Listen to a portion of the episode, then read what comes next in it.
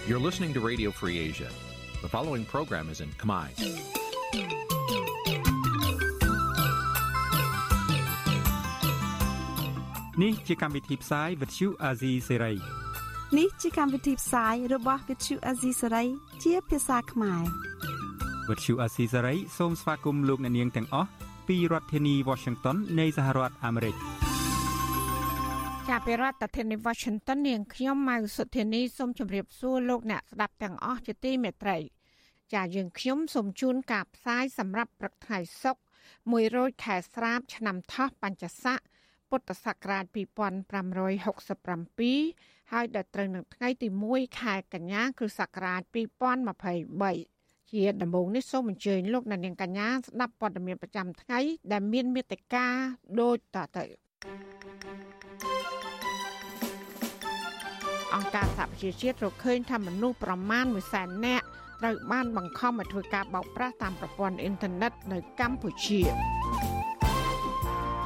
ណៈបកភ្លើងទៀនក្រុងសុំជួបរដ្ឋមន្ត្រីក្រសួងមហាផ្ទៃដើម្បីស្នើសុំឲ្យផ្ដល់ច្បាប់ដើមនៃការចុះបញ្ជីគណៈបក អ្នកជំនាញថាកម្ពុជាគួរចរចាធ្វើសម្ពយុទ្ធយោធាជាមួយប្រទេសសេរីខណៈកម្ពុជាបង្កើនសកម្មភាពធ្វើសម្ពយុទ្ធជាមួយប្រទេសចិនកម្មករមិនសង្ឃឹមថាលោកហេងសួរលើកកម្ពស់សិទ្ធិការងាររបស់កម្មកររួមនឹងព័ត៌មាន សំខាន់សំខាន់មួយចំនួនទៀតចាជាបន្តទៅទៀតនេះនាងខ្ញុំម៉ៅសុធានីសូមជូនព័ត៌មានទាំងនោះពឺស្ដាប់ ចាលោកនាយកទីមេត្រីអង្គការសហប្រជាជាតិទទួលបន្ទុកផ្នែកសិទ្ធិមនុស្សបានចេញផ្សាយរបាយការណ៍ថ្មីមួយដោយរកឃើញថាមានមនុស្សរាប់សែននាក់ត្រូវបានក្រុមអក្រិតជនបង្ខំឲ្យធ្វើការងារតាមប្រព័ន្ធអ៊ីនធឺណិតនៅតំបន់អាស៊ីអាគ្នេយ៍ក្នុងនោះមានប្រមាណ1សែននាក់នៅកម្ពុជាផងដែរ ចាមន្ត្រីសង្គមស៊ីវិលនិងមន្ត្រីបពប្រឆាំងលើកឡើងថាបញ្ហានេះជាហានិភ័យមួយសម្រាប់កម្ពុជា ដែលរដ្ឋាភិបាលគួរតែដោះស្រាយជាបន្ទាន់ចាប់ពីរដ្ឋធានី Washington លោកសេកបណ្ឌិតរាជការពុស្ដាជំវិញព័ត៌មាននេះរូបភាពនៃការបោកប្រាស់ទាំងនោះរួមមាន តាមរយៈស្នេហា ការវិនិយោគនិងការក្លែងបន្លំតាមរយៈការលេងល្បែងខុសច្បាប់ជាដើមរបាយការណ៍របស់អង្គការសហប្រជាជាតិផ្នែកសិទ្ធិមនុស្ស ចុះផ្សាយកាលពីថ្ងៃទី29សីហាឲ្យដឹងថា ជនរងគ្រោះប្រឈមមុខនឹងការរំលោភបំពានធ្ងន់ធ្ងរជាច្រើនរួមទាំងការគំរាមកំហែងដល់សវត្ថិភាព និងសន្តិសុខហើយមនុស្សជាច្រើន បានទទួលរងការធ្វើទរណកម្មនិងប្រព្រឹត្តដោយឃោឃៅអមនុស្សធម៌និងថោកទាបការឃុំខ្លួនដោយបំពានអំពើហិង្សាផ្លូវភេទពលកម្មដោយបង្ខំនិងការរំលោភសិទ្ធិមនុស្សផ្សេងៗទៀត ឧត្តមស្នងការអង្គការសហប្រជាជាតិទទួលបន្ទុកសិទ្ធិមនុស្សលោក Walker Turk ឲ្យដឹងនៅក្នុងរបាយការណ៍ថា អ្នកដែលត្រូវបានគេបង្ខិតបង្ខំឲ្យធ្វើការក្នុងប្រតិបត្តិការបោកប្រាស់ទាំងនោះទៅនោះស៊ូទ្រាំនឹងការប្រព្រឹត្តដោយអមនុស្សធម៌គណៈដែលពួកគេត្រូវបានគេបង្ខំឲ្យប្រព្រឹត្តបទឧក្រិដ្ឋអ្នកនាំពាក្យការិយាល័យឧត្តមស្នងការអង្គការសហប្រជាជាតិទទួលបន្ទុកសិទ្ធិមនុស្សប្រចាំនៅទីក្រុងហ្សឺណែវប្រទេសស្វីសលោក Jeremy Rowland ថ្លែងក្នុងសន្និសីទសារព័ត៌មានកាលពីថ្ងៃទី29ខែសីហាថានៅភូមានិងកម្ពុជា មានជនរងគ្រោះមិនតិចជាង1សែននាក់ឡើយក្នុងប្រទេសនីមួយៗ The enormity of the online scam trafficking របាយការណ៍លើកឡើងថាភាពធំធេងនៃការជួញដូរបោកប្រាស់តាមអនឡាញនៅអាស៊ីអាគ្នេយ៍គឺពិបាកនឹងប៉ាន់ស្មានដោយសារតែលក្ខណៈបែបលាក់កំបាំងនិងភាពចន្លោះប្រហោងក្នុងការឆ្លើយតបជាផ្លូវការ ប្រភពដែលអាចជឿទុកចិត្តបាន បង្ហាញថាយ៉ាងហោចណាស់មនុស្ស120,000នាក់នៅទូទាំងប្រទេសមីយ៉ាន់ម៉ាអាចត្រូវបានគេឃុំខ្លួន ក្នុងស្ថានភាពដែលពួកគេត្រូវបានបង្ខំឲ្យអនុវត្តការបោកប្រាស់តាមអនឡាញជាមួយគ្នានេះការប៉ាន់ប្រមាណស្រដៀងគ្នានៅក្នុងប្រទេសកម្ពុជាបង្ហាញថាជនរងគ្រោះមានចំនួនប្រហែល1សែននាក់ in Cambodia similarly at 100,000ប្រពន្ធដដែលឲ្យដឹងទៀតថា សកម្មភាពទាំងនេះ បានជះឥទ្ធិពលខ្លាំងក្នុងអំឡុងការរាតត្បាតជំងឺ Covid-19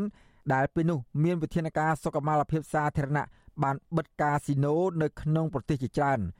ហើយជាការឆ្លើយតបប្រតិបត្តិការកាស៊ីណូបានផ្លាស់ប្តូរប្រតិបត្តិការទៅកាន់កន្លែងដែលមិនសូវមានការគ្រប់គ្រង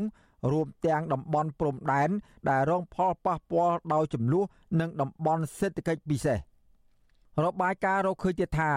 អ៊ុក្រិតជន បានកំណត់គោលដៅចំពោះជនចំណាក់ស្រុកក្នុងស្ថានភាពងាយរងគ្រោះដែលបានជាប់គាំងក្នុងប្រទេសទាំងនោះនិងគ្មានការងារធ្វើដោយសារតែការបិទព្រំដែននិងការបិទអាជីវកម្មដែលធ្វើឲ្យក្រមអ៊ុក្រិតជនងាយប្រតិបត្តិការបដអ៊ុក្រិតក្រមរូបភាពខ្លែងបន្លំផ្ដាល់ការងារឲ្យពួកគេ របាយការណ៍បន្ថែមថាក្រមអ៊ុក្រិតជនឆោបបោកទាំងនេះអាចរកប្រាក់ចំណូលបានរាប់ពាន់លានដុល្លារក្នុងមួយឆ្នាំមួយឆ្នាំ។ ប្រធានអង្គការសម្ព័ន្ធគណនេយ្យភាពសង្គមកម្ពុជាលោកសុនជ័យមានប្រសាសន៍ថារបាយការណ៍នេះឆ្លុះបញ្ចាំងការពិតនិងជាហានិភ័យដ៏ធំធេងដែលរដ្ឋាភិបាលគួរតែដោះស្រាយជាបន្ទាន់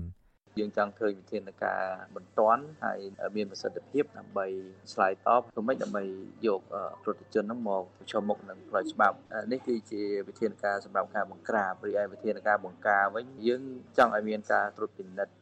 ការចេញចូលការស្នាក់នៅរបស់ជនបរទេសខ្ញុំឧទាហរណ៍ថាបើសិនជាជនបង្កនឹងភាគច្រើនជាជនជាតិចិនគេត្រូវមានប្រព័ន្ធគ្រប់គ្រងរដ្ឋបាលមួយទៅលើការរស់នៅរបស់ជនជាតិចិននៅកម្ពុជាឲ្យបានហ្មត់ចត់វុទ្ធុអាស៊ីសេរីនៅពុំទាន់អាចតាក់ទងแนะនាំពាក្យអគ្គស្នងការនគរបាលជាតិលោកឆាយកឹមខឿននិងប្រធានអង្គភិបแนะនាំពាក្យរដ្ឋាភិបាលលោកប៉ែនប៊ូណា ដើម្បីសុំការអធិប្បាយជុំវិញបញ្ហានេះបានទេនៅថ្ងៃទី31ខែសីហាវិទ្យុអាស៊ីសេរីនៅមិនទាន់អាចតាក់ទងអគ្គស្នងការនគរបាលជាតិលោកឆាយកឹមខឿននិងប្រធានអង្គភិបអ្នកណែនាំពាក្យរដ្ឋាភិបាល លោកប៉ែនបូណា ដើម្បីសូមអធិប្បាយជុំវិញបញ្ហានេះបានទេ នៅថ្ងៃទី31ខែសីហាក៏ប៉ុន្តែរដ្ឋលេខាធិការក្រសួងមហាផ្ទៃ និងជាអនុប្រធានអចិន្ត្រៃយ៍នៃគណៈកម្មាធិការជាតិប្រយុទ្ធប្រឆាំងអំពើជួញដូរមនុស្សអ្នកស្រីជូប៊ុនអេង បានប្រាប់សារព័ត៌មានក្នុងស្រុកថាការលើកឡើងរបស់អង្គការសហប្រជាជាតិនេះមិនឆ្លុះបញ្ចាំងការពិតនោះទេហើយអ្នកស្រីថារឿងនេះជាការធ្វើឲ្យកម្ពុជាបាក់មុខមាត់នៅលើឆាកអន្តរជាតិទោះបីយ៉ាងណាក៏ឡងទៅអតីតរដ្ឋមន្ត្រីក្រសួងមហាផ្ទៃលោកសខេងធ្លាប់ទទួលស្គាល់ថា កម្ពុជា ជាកន្លែងរងគ្រោះនៃបទល្មើសឆបោកតាមប្រព័ន្ធអ៊ីនធឺណិតក្នុងរយៈពេលប្រមាណឆ្នាំចុងក្រោយនេះលោកបន្ថែមថាបទល្មើសឆបោកតាមប្រព័ន្ធទូរគមនាគមន៍ដែលកើតមាននៅកម្ពុជា គឺពុំមែនជាជនជាតិខ្មែរជាអ្នកប្រព្រឹត្តនោះទេ ផ្ទុយទៅវិញ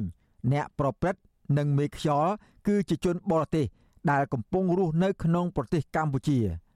ទោះយ៉ាងណាលោកសខេងថា នេះជាក្តីបារម្ភមួយ ដែលអាជ្ញាធរត្រូវដោះស្រាយឲ្យបានម៉ត់ចត់ របាយការណ៍បន្តថាមនុស្សភៀសច្រើន ដែលត្រូវបានជួញដូរក្នុងប្រតិបត្តិការបោកប្រាស់តាមប្រព័ន្ធអ៊ីនធឺណិត គឺជាបរិសហើយបើទោះបីជាស្ត្រី និងក្មេងជំទង់ក៏ស្ថិតនៅក្នុងចំណោមជនរងគ្រោះដែរ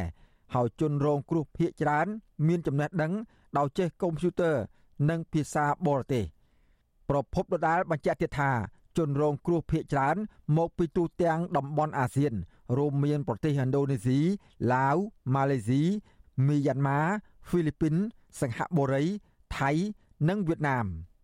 ក្រៅពីនេះក៏មានប្រទេសចិនដីគោកហុងកុង និងតៃវ៉ាន់អាស៊ីខាងត្បូងជាដើមជុំវិញរឿងនេះមន្ត្រីជាន់ខ្ពស់គណៈបាសង្គ្រោះជាតិលោកអ៊ុំសំអានយល់ឃើញថាការដែលមានមនុស្សរាប់ម៉ឺននាក់ ដែលត្រូវក្រុមអ ுக ្រិតជន បង្ខំឲ្យធ្វើការឆបោកតាមប្រព័ន្ធអ៊ីនធឺណិតនៅកម្ពុជានេះដោយសារការប្រព្រឹត្តអំពើពុករលួយជាប្រព័ន្ធរបស់អាជ្ញាធរកម្ពុជា។ ព្រោះខ្ញុំយល់ថាប្រកាសជាមានមន្ត្រីធំមួយចំនួនពាក់ព័ន្ធទៅក្នុងរឿងហ្នឹងណាมันហ៊ានចាត់ការកន្លងមកដូច្នេះត្រូវតែហ៊ានអាសាច់ចោលទោះបីតែអ្នកនឹងគោអ្នកធំ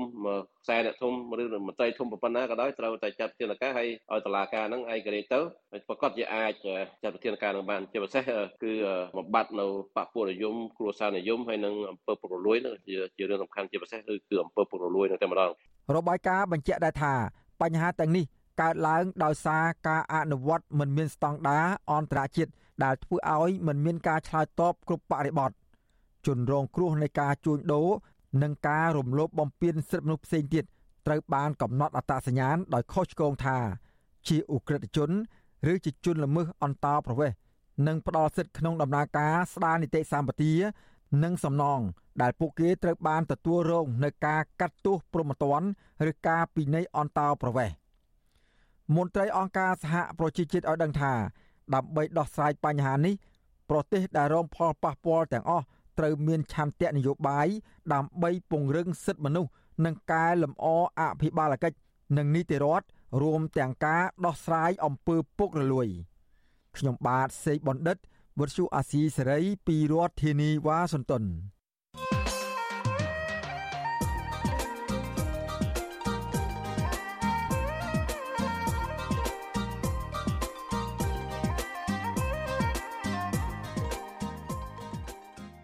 បាទលោកអ្នកនាងកញ្ញាជាទីមេត្រី សង្គមស៊ីវិលរកឃើញថាពលរដ្ឋរាប់ម៉ឺនគ្រួសារកំពុងរងផលប៉ះពាល់ធ្ងន់ធ្ងរដោយបំណុលវ៉ាន់កដែលជំពាក់មីក្រូហិរញ្ញវត្ថុរបាយការណ៍ចេញផ្សាយកាលពីថ្ងៃទី29ខែសីហារកឃើញថាពលរដ្ឋនៅខេត្តកំពង់ស្ពឺជិត30000គ្រួសារបានคล้ายជាកូនបំណុលឬខ្លួនមិនរួច ក្នុងចំណោមនោះមានអ្នកខ្លះបង្ខំចិត្តលូកផ្ទះសម្បែង ដីស្រែចម្ការ កាត់បន្ថយម្ហូបអាហារប្រចាំថ្ងៃ និងកុមាររាប់ពាន់នាក់បានបោះបង់ចោលការសិក្សា ដោយសារវិបត្តិបំណុលធ្ងន់ធ្ងរនេះតើមានមូលហេតុអ្វីខ្លះដែលធ្វើឲ្យពលរដ្ឋទាំងនោះរងគ្រោះជាប់បំណុលវ័នកជាមួយមីក្រូហិរញ្ញវត្ថុនេះតើពួកគាត់នឹងដោះស្រាយបញ្ហានេះបានដោយរបៀបណា បាទសូមលោកនាង រងចាំតាមដានស្ដាប់កិច្ចពិភាក្សាអំពីរឿងនេះ ក្នុងនេតិវេទិកាអ្នកស្ដាប់វិទ្យុអាស៊ីសេរី នៅយប់ថ្ងៃសុក្រនេះកុំបីខានប្រសិនបើលោកនាង មានសំណួរចង់សួរវាគ្មិនកិត្តិយសរបស់យើងឬក៏ចង់បញ្ចេញមតិយោបល់ជុំវិញរឿងនេះសូមលោកនាង ដាក់លេខទូរស័ព្ទក្នុងខ្ទង់ comment ដែលកំពុងផ្សាយផ្ទាល់តាមបណ្ដាញសង្គម Facebook និង YouTube របស់វិទ្យុអាស៊ីសេរីដែលកំពុងផ្សាយផ្ទាល់នៅពេលនេះក្រុមការងាររបស់យើងខ្ញុំនឹងហៅត្រឡប់ទៅលោកអ្នកវិញ បាទសូមអរគុណ ចាលោកដានៀងជាទីមេត្រីងាកមករឿងលោកហ៊ុនសែនវិញលោកដែលធ្លាប់ប្រកាសថានឹងមិនងាកមកប្រើប្រាស់ Facebook នោះឥឡូវនេះលោកបានលេបសម្ដីរបស់លោកហើយបន្ទាប់ពីក្រុមហ៊ុនមេតា បានប្រកាសមិនព្យួរកណន័យ Facebook និង Instagram របស់លោកចាលោកតារារិទ្ធសែនរាយការណ៍ព័ត៌មានលេងអតីតនាយករដ្ឋមន្ត្រីលោកហ៊ុនសែននឹងវិលមកប្រើប្រាស់កណន័យ Facebook ផ្លូវការរបស់លោកឡើងវិញលោកដួងតារាជំនួយការផ្ទាល់លោកហ៊ុនសែន និងជាអ្នកគ្រប់គ្រងករណី Facebook ឲ្យលោកហ៊ុនសែនបានប្រាប់កាសែតភ្នំពេញប៉ុស្តិ៍កាលពីថ្ងៃទី30សីហាថាលោកហ៊ុនសែននឹងវិលមកប្រើប្រាស់ករណី Facebook របស់លោកឡើងវិញដើម្បីអាចចែករំលែកព័ត៌មាន និងទទួលបានព័ត៌មានពីពលរដ្ឋកាន់តែឆាប់រហ័សការវិលមកប្រើប្រាស់ Facebook របស់លោកហ៊ុនសែននេះធ្វើឡើងបន្ទាប់ពីក្រុមហ៊ុនមេតា ជាក្រុមហ៊ុនមេរបស់បណ្ដាញសង្គម Facebook បានប្រកាសកាលពីថ្ងៃទី28សីហាថានឹងមិនព្យួរករណី Facebook និង Instagram របស់លោកហ៊ុនសែនឡើយកន្លងមកលោកហ៊ុនសែនធ្លាប់ប្រកាសថាលោកនឹងមិនងាកមកប្រើប្រាស់ Facebook វិញដែលនាំឲ្យលោកចង្រៃខ្លួននោះទេនឹងបានអំពាវនាវឲ្យមន្ត្រីរាជការនិងពលរដ្ឋងាកទៅប្រើប្រាស់បណ្ដាញទំនាក់ទំនងសង្គមរបស់ប្រទេសចិន TikTok និងបណ្ដាញទំនាក់ទំនងរបស់ប្រទេសរុស្ស៊ី Telegram លើសពីនេះលោកក៏បានបញ្ជាឲ្យបណ្ដេញសមាជិកក្រុមប្រឹក្សាពិបាលត្រួតពិនិត្យក្រុម Facebook 22នាក់ចេញពីកម្ពុជានិងមិនឲ្យមានតំណាងក្រុម Facebook នៅកម្ពុជា ដើម្បីបញ្ឈប់រាល់សកម្មភាព ទំនាក់ទំនងជាមួយរដ្ឋាភិបាល និងកិច្ចសហការដៃគូក្នុងវិស័យឯកជននៅកម្ពុជា លោកហ៊ុនសែនបានប្រកាសទាំងខឹងសម្បារនៅពេលនោះ ក្រោយក្រុមប្រឹក្សាភិបាលត្រួតពិនិត្យរបស់ក្រុមហ៊ុន Facebook ប្រចាំប្រទេសកម្ពុជាកាលពីថ្ងៃទី28មិថុនាបានសម្រេចឲ្យព្យួរគេហទំព័រ Facebook របស់លោកចំនួន6ខែដោយសារមានពាក្យបណ្ដឹងថាករណី Facebook លោកហ៊ុនសែនបានផ្សព្វផ្សាយសារបែបញុះញង់ឲ្យប្រព្រឹត្តអំពើហិង្សាលើមន្ត្រី និងសកម្មជនគណៈបកប្រឆាំងដែលអាចរំលោភលើគោលការណ៍ក្រមសីលធម៌របស់ក្រុមហ៊ុនមួយនេះបើទោះជាពេលនេះ ក្រុមហ៊ុនមេតាសម្រាប់មិនព្យួរករណី Facebook របស់លោកហ៊ុនសែនក្តីកម្ពុជានៅតែបន្តមិនអនុញ្ញាតឲ្យសមាជិកក្រុមប្រឹក្សាពិបាលត្រួតពិនិត្យក្រុមហ៊ុន Facebook 22នាក់ជាន់ទឹកដីកម្ពុជាដដែលប៉ុន្តែអនុញ្ញាតឲ្យតំណាង Facebook ប្រតិបត្តិការនៅកម្ពុជាវិញខ្ញុំដារ៉ារាជសែន With you Azisari ទីក្រុង Adelaide ចាលោកដានីលជាទីមេត្រីពាក់ព័ន្ធនឹងគណៈបកភ្លើងទៀនវិញ មន្ត្រីគណៈបកនេះក្រុងសុំជួបរដ្ឋមន្ត្រីក្រសួងមហាផ្ទៃដើម្បីឲ្យក្រសួងចេញលិខិតចុះបញ្ជីច្បាប់ដើមរបស់គណៈបកនេះដែលបានតម្កល់ទុកនៅក្រសួងមហាផ្ទៃមន្ត្រីសង្គមស៊ីវិលជំរុញទៅក្រសួងមហាផ្ទៃគួរតែផ្ដល់លិខិតនេះតាមដំណើររបស់គណៈបកភ្លើងទៀនដើម្បីបញ្ជាក់ថាក្រសួងមហាផ្ទៃបានធានាសិទ្ធិនយោបាយរបស់គណៈបកនេះស្របតាមច្បាប់ចាលោកសេកបណ្ឌិតមានសេចក្តីរាយការណ៍ដាច់ដライមួយទៀតជំវិញព័ត៌មាននេះ គណៈបកភ្លើងទៀនដែលខកខានមិនបានចូលរួមការបោះឆ្នោតជាតិកាលពីថ្ងៃទី23ខែកក្កដាកន្លងទៅ កំពុងស្វាស្វែងជួបជជែកជាមួយនឹងរដ្ឋមន្ត្រីក្រសួងមហាផ្ទៃថ្មី និងអ្នកពាក់ព័ន្ធដើម្បីធ្វើឲ្យគណៈបកនេះអាចចូលរួមការបោះឆ្នោតព្រឹទ្ធសភាឆ្នាំ2024ខាងមុខជំហានដំបូងគឺគណៈបកនេះត្រៀមនឹងដាក់លិខិតសូមជួបជាមួយរដ្ឋមន្ត្រីក្រសួងមហាផ្ទៃលោកសសុខាដែលចូលកាន់តំណែងនេះ ជំនួសឪពុករបស់លោកគឺលោកសខេងអនុប្រធានគណៈបកភ្លើងទៀនលោករងឈុនឲ្យវិទ្យុអាស៊ីសេរីដឹងនៅថ្ងៃទី31សីហាថា សមាជិកភាពរបស់គណៈបកភ្លើងទៀនដែលគ្រោងស្នើជួបរដ្ឋមន្ត្រីក្រសួងមហាផ្ទៃរួមមានថ្នាក់ដឹកនាំនិងក្រុមអ្នកច្បាប់របស់គណៈបកភ្លើងទៀនលោកឲ្យដឹងទៀតថាដំបងឡើយគណៈបកភ្លើងទៀនគ្រោងដាក់លិខិតសូមជួបរដ្ឋមន្ត្រីក្រសួងមហាផ្ទៃកាលពីថ្ងៃច័ន្ទដើមសប្តាហ៍នេះ ក៏ប៉ុន្តែដោយសារតែបញ្ហាបច្ចេកទេសគណៈបកនេះមិនទាន់អាចដាក់លិខិតទៅរដ្ឋមន្ត្រីបានដូច្នេះគណៈបកភ្លើងទៀននឹងដាក់លិខិតទៅក្រសួងមហាផ្ទៃក្នុងពេលដ៏ខ្លីខាងមុខនេះអនុប្រធានគណៈបកភ្លើងទៀនរូបនេះរំពឹងថា នៅពេលនេះគឺជាពេលវេលាដ៏សមរម្យមួយដែលក្រសួងមហាផ្ទៃយល់ព្រមជួបថ្នាក់ដឹកនាំគណៈបកភ្លើងទៀន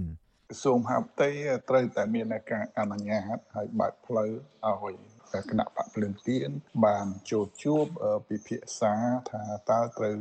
ធ្វើបែបម៉េចដើម្បីឲ្យគណៈបកភ្លើងទៀនទទួលបាន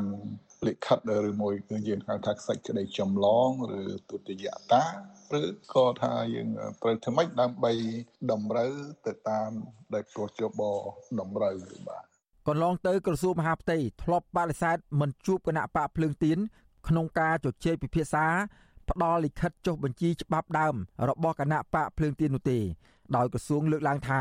រងចាំការបោះឆ្នោតចប់និងរងចាំឲ្យមានការរៀបចំរដ្ឋាភិបាលថ្មីរួចរាល់សិនតកតូននឹងគម្រោងស្នើសុំរបស់គណៈបកភ្លើងទៀននេះដែរវត្តសុអាស៊ីសេរីនៅមិនទាន់អាចសុំការអធិប្បាយពីអ្នកនាំពាក្យក្រសួងមហាផ្ទៃលោកខៀវសុភ័ក្របាននៅឡើយទេ នៅថ្ងៃទី31ខែសីហា នាយកទទួលបន្ទុកកិច្ចការទូតនៃអង្គការលីកាដូលោកអំសំអាត លើកឡើងថារដ្ឋធម្មនុញ្ញបានធានាដំណើរការរបស់គណៈបកឬអង្គការសង្គមស៊ីវិលជាដើមដូច្នេះលោកយល់ថាក្រសួងមហាផ្ទៃគួរផ្ដល់ឯកសារតាមសំណើរបស់គណៈបកភ្លើងទៀន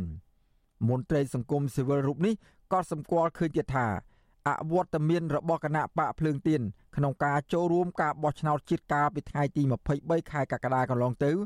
បានធ្វើឲ្យសហគមន៍អន្តរជាតិរិះគន់ម្ដងហើយពីការបិទសេរីភាពនយោបាយរបស់គណៈបកនេះលោកបន្តថារដ្ឋមន្ត្រីក្រសួងមហាផ្ទៃថ្មី គួរពិនិត្យឡើងវិញ នៅសំណើរបស់គណៈបកភ្លើងទៀនដើម្បីបញ្ជាការរិះគន់បន្តទៀតនឹងវាគួរតែអនុញ្ញាតហើយគួរតែផ្ដល់ឱកាសសម្រាប់គណៈបកដើម្បីឲ្យមានឱកាសការចូលរួមការពុទ្ធជែកការបោះឆ្នោតលើណាមួយ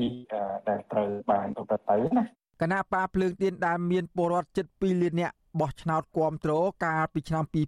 2022ត្រូវគណៈកម្មាធិការជ្រៀបចំការបោះឆ្នោតកោជបដែលរងការរិះគន់ថាស្ថិតនៅក្រោមឥទ្ធិពលរបស់គណៈបកកណ្ដាលអំណាចបានបិទសិទ្ធិគណៈបកភ្លើងទៀនមិនឲ្យចូលរួមការបោះឆ្នោតកាលពីថ្ងៃទី23ខែកក្កដាដោយចោទប្រកាន់ថាគណៈបកនេះគ្មានលិខិតច្បាប់ដើមនៃការចុះបញ្ជីគណៈបកដែលបានតម្កល់ទុកនៅក្រសួងមហាផ្ទៃ គណៈបកភ្លើងទៀនបានបាត់ច្បាប់ដើមនៃសេចក្តីប្រកាសនេះបន្ទាប់ពីមានការវិឆ្មក់របស់ក្រមសមត្ថកិច្ចចូលបិទទីស្នាក់ការរួមគ្នា រវាងគណៈបកសង្គ្រោះជាតិនិងគណៈបកភ្លើងទៀនកាលពីឆ្នាំ2017ក្រសួងមហាផ្ទៃកន្លងទៅត្រឹមតែបានចេញសេចក្តីប្រកាសទទួលស្គាល់គណៈបកភ្លើងទៀនថាជាគណៈបកស្របច្បាប់ តែការប្រកាសនេះកោចបថាมันគ្រប់គ្រាន់សម្រាប់ឲ្យគណៈបកភ្លើងទៀនអាចចូលរួមប្រគល់ប្រជែងការបោះឆ្នោតបាននោះឡើយខ្ញុំបាទសេកបណ្ឌិតវុទ្ធុអាស៊ីសេរីពីរដ្ឋធានីវ៉ាស៊ីនតោនចាលោកនាងជាទីមេត្រីតកតងនឹងរឿងគណៈបកភ្លើងទៀននេះដែរប្រពន្ធរបស់លោកតូចថងដែលជាសកម្មជនគណៈបកភ្លើងទៀន នៅតែបារម្ភពីស្ថានភាពភ្នែករបស់ប្តី និងស្នើឲ្យពន្ធនាគារបញ្ជូនប្តីទៅសម្រាប់ព្យាបាលនៅមន្ទីរពេទ្យវិញមេធាវីកាពីក្តីលោកតូចថងយកឃើញថាមន្ត្រីពន្ធនាគារគួរតែបញ្ជូនលោកទៅសម្រាប់ព្យាបាលនៅមន្ទីរពេទ្យខាងក្រៅ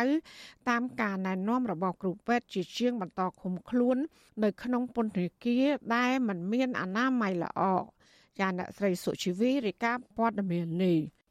បើទោះបីជាគ្រូពេទ្យណែនាំឲ្យលោកតូចថងត្រូវសម្រាប់ព្យាបាលនៅមន្ទីរពេទ្យពី3ទៅ4សប្តាហ៍ក្តីក៏មន្ត្រីពន្ធនាគារនៅតែបញ្ជូនលោកតូចថងយកទៅឃុំខ្លួន នៅពន្ធនាគារព្រៃសរវិញកាលពីថ្ងៃទី30ខែសីហា បន្ទាប់ពីលោកបានវះកាត់ភ្នែករួចប្រពន្ធរបស់លោកតូចថងគឺលោកស្រីសុវណ្ណា ប្រាប់វិទ្យុអាស៊ីសេរីថា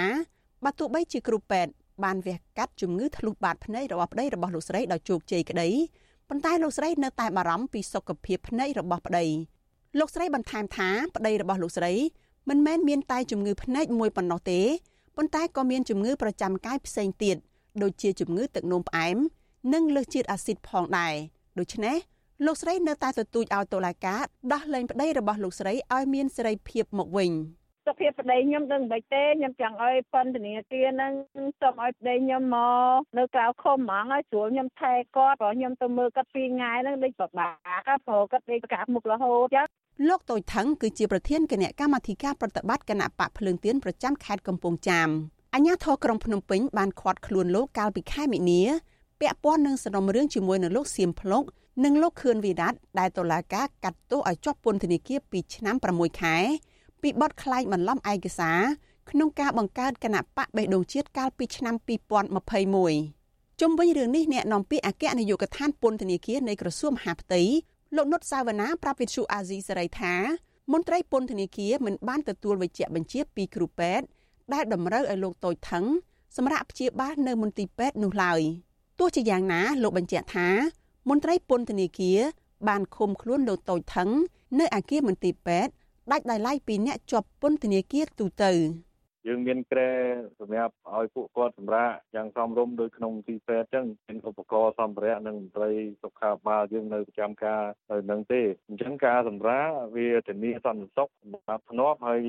កម្លាំងរបស់យើងមិនចាំបាច់ចំណាយពេលនៅក្រៅហ្នឹងចាំយាមជាប្រចាំទៅវាខាតកម្លាំងដោយសារកម្លាំងក៏យើងខ្វះដែរផ្ទុយពីការលើកឡើងនេះសកម្មជនដែលធ្លាប់ជាប់ពន្ធនាគារលើកឡើងថា អគារមន្ទីរពេទ្យនៅក្នុងពន្ធនាគារមិនមានអនាម័យល្អនោះឡើយព្រោះអ្នកទោសមួយចំនួននៅតែជួបបារីនៅក្នុងបន្ទប់ខណៈអ្នកទោសក្រីក្រដែលមានជំងឺធ្ងន់ធ្ងរជាច្រើនមិនទទួលបានការព្យាបាលដោយយកចិត្តទុកដាក់គ្រប់គ្រាន់នោះឡើយជុំវិញរឿងនេះដែរមេធាវីការពារក្តីលោកតូចថងគឺលោកសឿនជំជួនប្រាប់វិទ្យុអាស៊ីសេរីថាស្ថានភាពជំងឺធ្លាយបាតភ្នែករបស់លោកតូចថងគឺមានសភាពធ្ងន់ធ្ងរហើយកូនក្តីរបស់លោកនេះ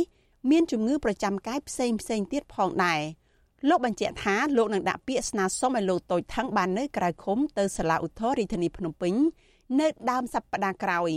អង្គការសង្គមស៊ីវិលលើកឡើងថាអញ្ញាធមមិនបានអនុវត្តច្បាប់ដែលអនុញ្ញាតឲ្យជនជាប់ឃុំទទួលបានការព្យាបាលនៅពេទ្យនៅខាងក្រៅពន្ធនាគារដោយស្មើភាពគ្នារវាងអ្នកជាប់ឃុំដែលមានលុយមានអំណាច និងសកម្មជននយោបាយនោះឡើយ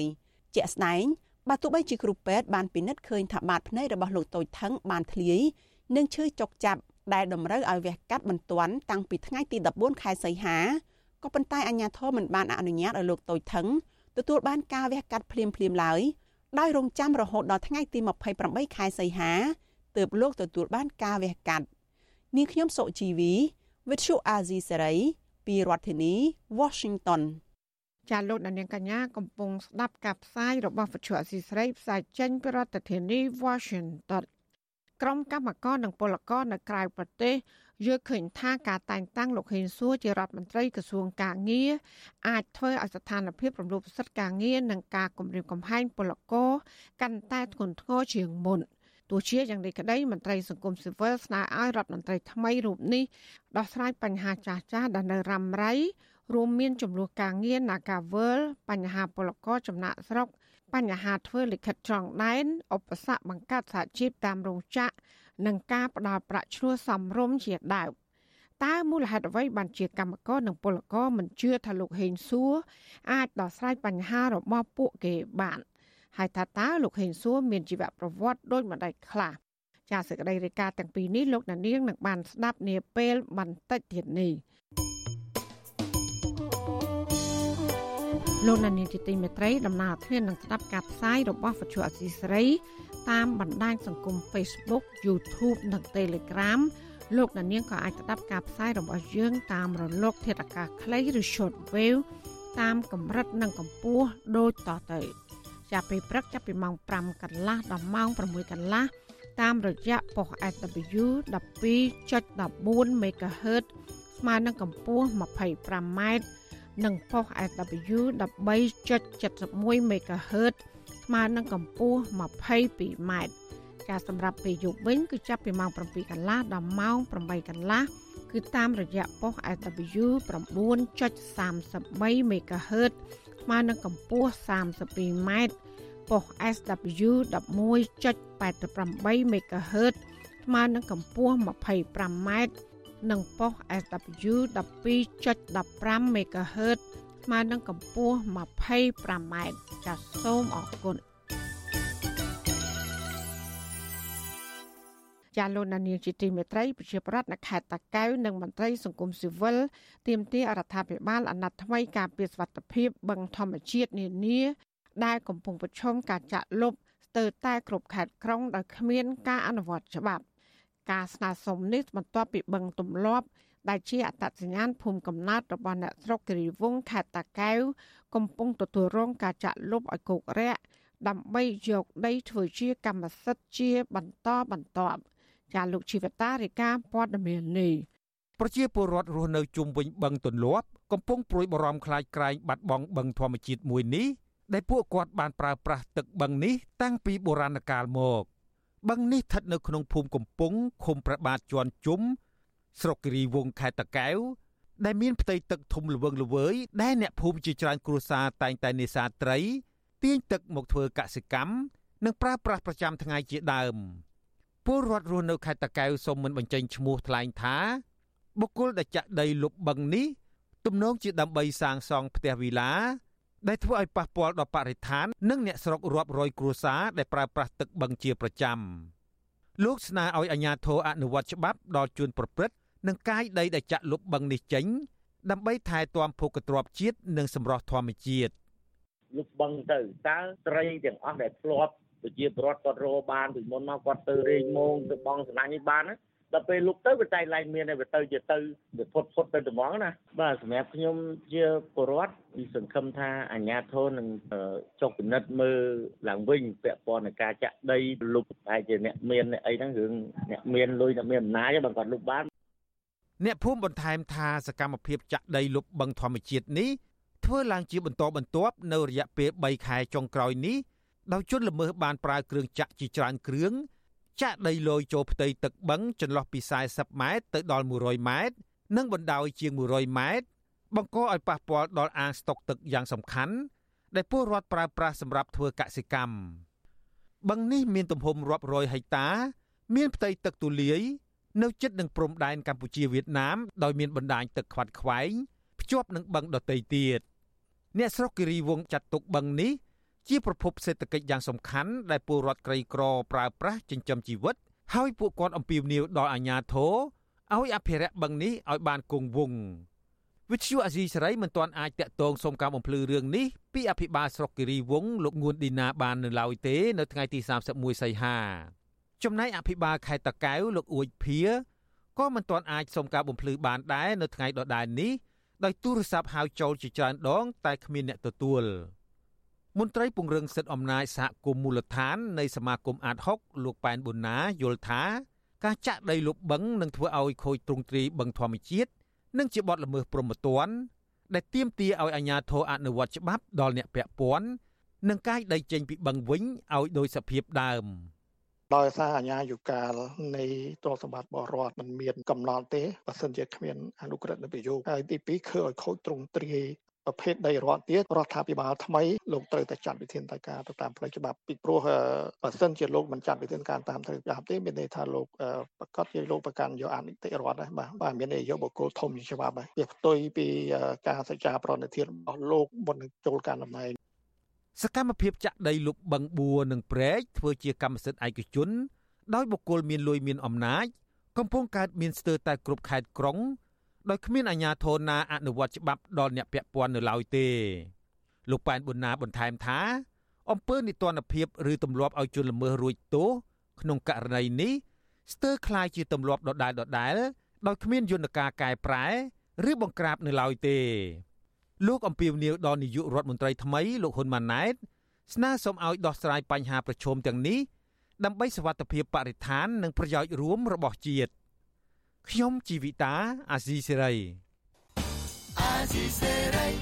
ចាលោកដានៀងជាទីមេត្រីអ្នកខ្លាំមើលនិងអ្នកជំនាញកិច្ចការអន្តរជាតិលើកឡើងថាកម្ពុជាគួរតែមានការចរចាជាមួយបណ្ដាប្រទេសប្រជាធិបតេយ្យធំធំ ជាពិសេសសហរដ្ឋអាមេរិកក្នុងការធ្វើសម្ពយុទ្ធយោធាស្របពេលដែលកម្ពុជា បង្កើនភាពលោភលឿននិងបន្តធ្វើសម្ពយុទ្ធយោធាជាមួយប្រទេសចិន ចា៎នេះគឺជាសកម្មភាពរបស់លោកមានរិទ្ធជំវិញបញ្ហានេះ។អ្នកខ្លំមើលស្ថានភាពនយោបាយកម្ពុជា លើកឡើងថារដ្ឋាភិបាលថ្មី ដែលដឹកនាំដោយលោកហ៊ុនម៉ាណែតនឹងនៅតែបន្តរងនឹងការរិះគន់ថាមានជំហរនយោបាយលំអៀងទៅរកប្រទេសចិនដោយសារតែកម្ពុជា បានបង្កើនភាពលោភលន់ជាមួយប្រទេសនេះជាពិសេសនៅក្នុងក្របខ័ណ្ឌសម្ពយុទ្ធយោធាដោយផ្អាកការធ្វើសម្ពយុទ្ធយោធាជាមួយសហរដ្ឋអាមេរិកនិងបណ្ដាប្រទេសប្រជាធិបតេយ្យផ្សេងៗទៀត ពួកគេចង់ឃើញរដ្ឋាភិបាលលោកហ៊ុនម៉ាណែតចរចាដើម្បីឲ្យមានការចូលរួមធ្វើសម្ពយុទ្ធយោធាពីចម្រុះភាគីអ្នកប្រឹក្សាយោបល់ផ្នែកអភិវឌ្ឍផ្នត់គំនិតនិងការស្រាវជ្រាវលោកសេកសុជាតិ ប្រាវិសុវអាស៊ីស្រីនៅថ្ងៃទី31ខែសីហាថាប្រសិនបើការធ្វើសម្ពយុទ្ធយោធារវាងកម្ពុជានិងចិន ដែលភាគីទាំងពីរផ្ដោតសំខាន់លើផ្នែកសុខាភិបាលនោះធ្វើឡើងនៅក្នុងក្របខ័ណ្ឌផ្លាស់ប្ដូរបទពិសោធន៍ដល់គ្នាទៅវិញទៅមកវាគឺជាសញ្ញាវិជ្ជមានមួយនៅក្នុងកិច្ចសហប្រតិបត្តិការនៃប្រទេសទាំងពីរដែលធ្វើឲ្យកងទ័ពនៃប្រទេសទាំងពីរយល់ដឹងកាន់តែច្រើនអំពីការជួយសង្គ្រោះ ទោះជាយ៉ាងណាលោកសេកសុជាតិថាមូលហេតុដែលកម្ពុជាគ្មានការរៀបចំធ្វើសម្ពយុទ្ធយោធាជាមួយសហរដ្ឋអាមេរិកនិងប្រទេសប្រជាធិបតេយ្យផ្សេងទៀតគឺដោយសារតែកម្ពុជាស្ថិតក្នុងអធិបតេយ្យរបស់ចិនលោកបន្ថែមទៀតថាការដែលកម្ពុជាចាប់យកប្រទេសចិនតែម្ខាងនៅក្នុងការធ្វើសម្ពយុទ្ធយោធានោះកម្ពុជានឹងបន្តរងនឹងការរិះគន់ថាគ្មានអព្យាក្រឹតនិងផ្ទុយពីគោលការណ៍ប្រជាធិបតេយ្យ បញ្ហាហ្នឹងវាគឺជារឿងដែលកម្ពុជាគួរតែពិចារណានៅក្នុងការធ្វើកិច្ចសហប្រតិបត្តិការជាមួយនឹងប្រទេសដទៃជាពិសេសគឺប្រទេសដែលមានលទ្ធិជាតិធិបតេយ្យដើម្បីឲ្យវាស្របទៅនឹងរដ្ឋធម្មនុញ្ញនៃកម្ពុជាដែលចាត់ទុកកម្ពុជាជាប្រទេសមានលទ្ធិជាតិធិបតេយ្យស្របតាមកិច្ចព្រមព្រៀងសន្តិភាពទីក្រុងប៉ារីសបើសិនជាក្នុងករណីដែលមេដឹកនាំគាត់មានភាពលំអៀងហើយគាត់មិនអាចអនុវត្តចំណុចដែលមានចែងនៅក្នុងរដ្ឋធម្មនុញ្ញជាពិសេសពង្រឹងនៃប្រព័ន្ធវិជាធិបតេយ្យការគ្រប់សិទ្ធិមនុស្សនិងសេរីភាពផ្សេងផ្សេងនៅក្នុងប្រទេសកម្ពុជាឬក៏កិច្ចសហប្រតិបត្តិការជាមួយនឹងប្រទេសដែលគូចំហបែបប្រជាធិបតេយ្យសេរីដូចគ្នាការលើកឡើងរបស់អ្នកខ្លំមើលបែបនេះធ្វើឡើងបន្ទាប់ពីកងទ័ពកម្ពុជានិងចិនគ្រោងនឹងធ្វើសម្ពយុទ្ធផ្នែកសុខាភិបាលយោធារួមគ្នានៅក្នុងឆ្នាំ2023នេះ អគ្គមេបញ្ជាការរងនិងជានាយសេនាធិការចម្រុះនៃកងយោធពលខេមរៈភូមិន្ទលោកអ៊ិតសារ៉ាត់កាលពីថ្ងៃទី30ខែសីហាបានដឹកនាំកិច្ចប្រជុំផ្សព្វផ្សាយផែនការសម្ពយុទ្ធសុខាភិបាលយោធារួមគ្នា ដែលភាគីកម្ពុជាដាក់ឈ្មោះថាទេវតាសន្តិភាពឆ្នាំ2023នៅទីស្តីការក្រសួងការពារជាតិ ទោះជាយ៉ាងណាលោកមិនបានបង្ហាញអំពីផែនការសំខាន់សំខាន់ការកំណត់ពេលវេលាជាក់លាក់និងទីតាំងធ្វើសម្ពយុទ្ធសុខាភិបាលយោធារួមគ្នាជាមួយ កងទ័ពចិននេះនៅឡើយទេវិសុវអាស៊ីស្រីមិនអាចតាក់ទងរដ្ឋមន្ត្រីក្រសួងការពារជាតិលោកទាសីហាដើម្បីសាកសួរជុំវិញរឿងនេះបាននៅឡើយទេនៅថ្ងៃទី31ខែសីហា កាលពីខែមីនាកម្ពុជានិងចិនបានបន្តធ្វើសម្ពយុទ្ធយោធានាមាតាក់ទងនឹងប្រធានបទបោសម្អាតក្របមីនប្រយុទ្ធប្រឆាំងនឹងជំងឺ Covid-19 ការរក្សាសន្តិសុខនិងក្បួនធំធំ និងរបៀបសង្គ្រោះជនរងគ្រោះដែលជួបឧបទ្ទវហេតុដោយសារគ្រោះធម្មជាតិ កម្ពុជាបានរៀបចំធ្វើសម្ពយុទ្ធយោធាជាមួយកងទ័ពចិនចំនួន5លើករួចមកហើយចាប់តាំងពីឆ្នាំ2016ក៏ប៉ុន្តែរដ្ឋាភិបាលកម្ពុជាដែលដឹកនាំដោយលោកហ៊ុនសាន កាលពីពេលកន្លងទៅ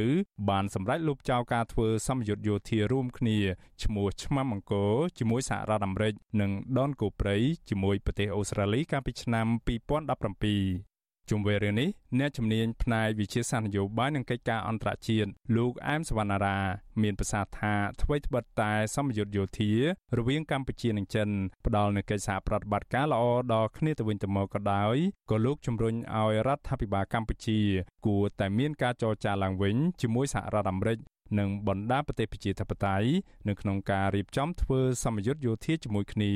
នេះជាកិច្ចការមួយទាមទារឲ្យកម្ពុជាជំរុញឬក៏ពង្រីកសម្ពយុទ្ធយោធាជាមួយលោកខាងលិចផងដើម្បីឲ្យមើលឃើញអេរយាប័តឬក៏ជំហររបស់កម្ពុជានឹងមកនៅកណ្ដាលធម្មតាសម្ពយុទ្ធយោធានឹងយើងចំណេញទៅដល់ភាគីកម្ពុជាទៀតពាក់ព័ន្ធទៅនឹងការពង្រឹងសមត្ថភាពកងទ័ពការពង្រីកឬក៏អភិវឌ្ឍបច្ចេកវិទ្យាខ្ញុំគិតថាកិច្ចការនេះល្អគឺគាត់នៅទាមទារយើងធ្វើកិច្ចការសម្ពយុទ្ធយោធាជាមួយលោកខាងលិចឡើងវិញឲ្យបានច្រើនទៅវាអាចជួយកាត់បន្ថយកម្មភាពដែលអាចមើលឃើញថាយើងងាកទៅចិនច្រើន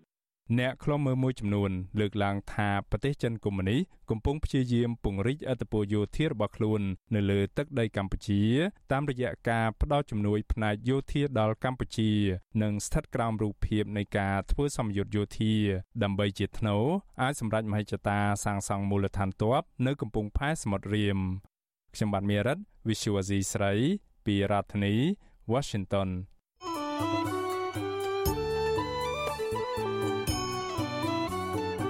លោកដានៀងជាទីមេត្រីក្នុងឱកាសនេះដែរនាងខ្ញុំសូមថ្លែងអំណរគុណ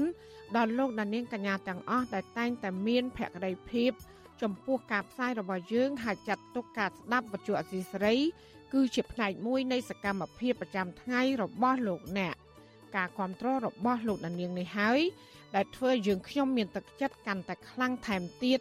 ក្នុងការស្វែងរកនិងផ្តល់ព័ត៌មានជូនដល់លោកដានៀងចាំមានអ្នកស្ដាប់អ្នកទេសនាកាន់តែច្រើនកាន់តែធ្វើយើងខ្ញុំមានភាពស្វាហាប់មោះមុតជាបន្តទៀតចាយើងខ្ញុំសូមអរគុណទុកជាមុនហើយក៏សូមអញ្ជើញលោកដានៀងកញ្ញាចូលរួមជំរុញឲ្យសកម្មភាពផ្ដល់ព័ត៌មានរបស់យើងនេះកាន់តែជោគជ័យបន្ថែមទៀតលោកដានៀងអាចជួយយើងខ្ញុំបាន ដោយគ្រាន់តែចុចចែករំលែកឬ share ការផ្សាយរបស់យើងនេះនៅលើបណ្ដាញសង្គម Facebook និង YouTube ទៅកាន់មិត្តភ័ក្តិដើម្បីឲ្យការផ្សាយរបស់យើងនេះបានទៅដល់មនុស្សកាន់តែច្រើនចាសសូមអរគុណ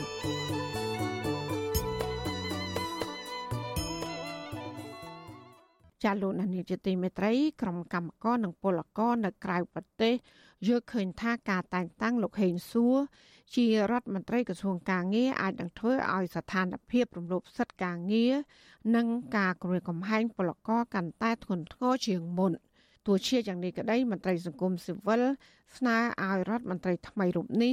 ដោះស្រាយបញ្ហាចាស់ចាស់ដែលនៅរ៉ាំរ៉ៃរួមមានចំនួនការងារ Nagawal បញ្ហាពលករចំណាក់ស្រុកបញ្ហាធ្វើលិខិតឆ្លងដែនឧបសគ្គបង្កើតសហជីពតាមរោងចក្រនិងការផ្ដាល់ប្រាក់ឈ្នួលសំរុំជាដើម ចាលោកជីវតាមានសេចក្តីរាយការណ៍ពុស្ដាជំវិញព័ត៌មាននេះដូចតទៅបន្ទាប់ពីការតស៊ូយ៉ាងស្មោះស្ម័គ្រគ្រប់គ្រងនាយករដ្ឋមន្ត្រីលោកហ៊ុនម៉ាណែតនឹងដើរបញ្ចុះបញ្ចូលព្រមទាំងគម្រាមកំហែងពលករខ្មែរធ្វើការនៅក្រៅប្រទេស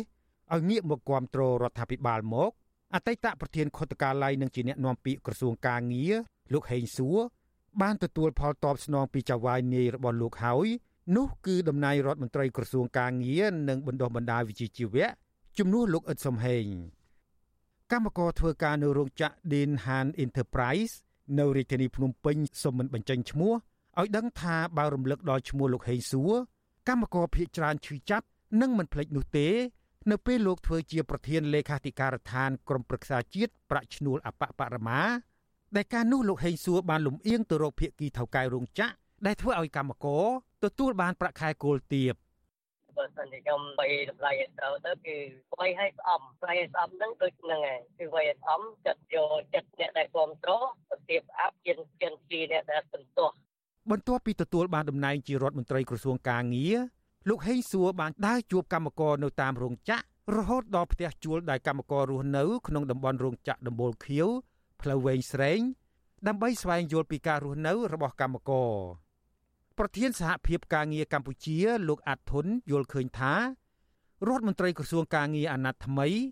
គួរផ្ដោតលើបញ្ហាដែលកម្មករកំពុងប្រឈមខ្លាំងជាងគេ រួមមានការព្យួរការងារការកាត់បន្ថយម៉ោងធ្វើការ ការរំលោភសិទ្ធិការងារជាដើម លោកបញ្ជាក់ថា ដើម្បីដោះស្រាយបញ្ហាទាំងនេះក្រសួងការងារគួរដកមន្ត្រីអសមត្ថភាពរាយការណ៍មិនពិតដែលលាក់បាំងការរំលោភសិទ្ធិកម្មករជាដើម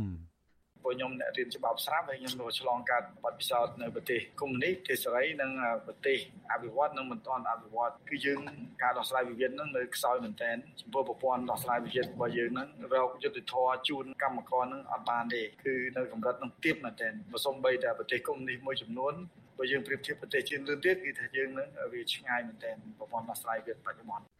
កាលពីអាណត្តិចាស់បើតាមមន្ត្រីសហជីព លោកហេងសួរតែងបង្ហាញចំហលំអៀងទៅរកក្រុមនាយទុនឬថៅកែក្រុមហ៊ុន ជាក់ស្ដែង ក្នុងករណីវិវាទនៅក្រុមហ៊ុនបនលបៃ Naga World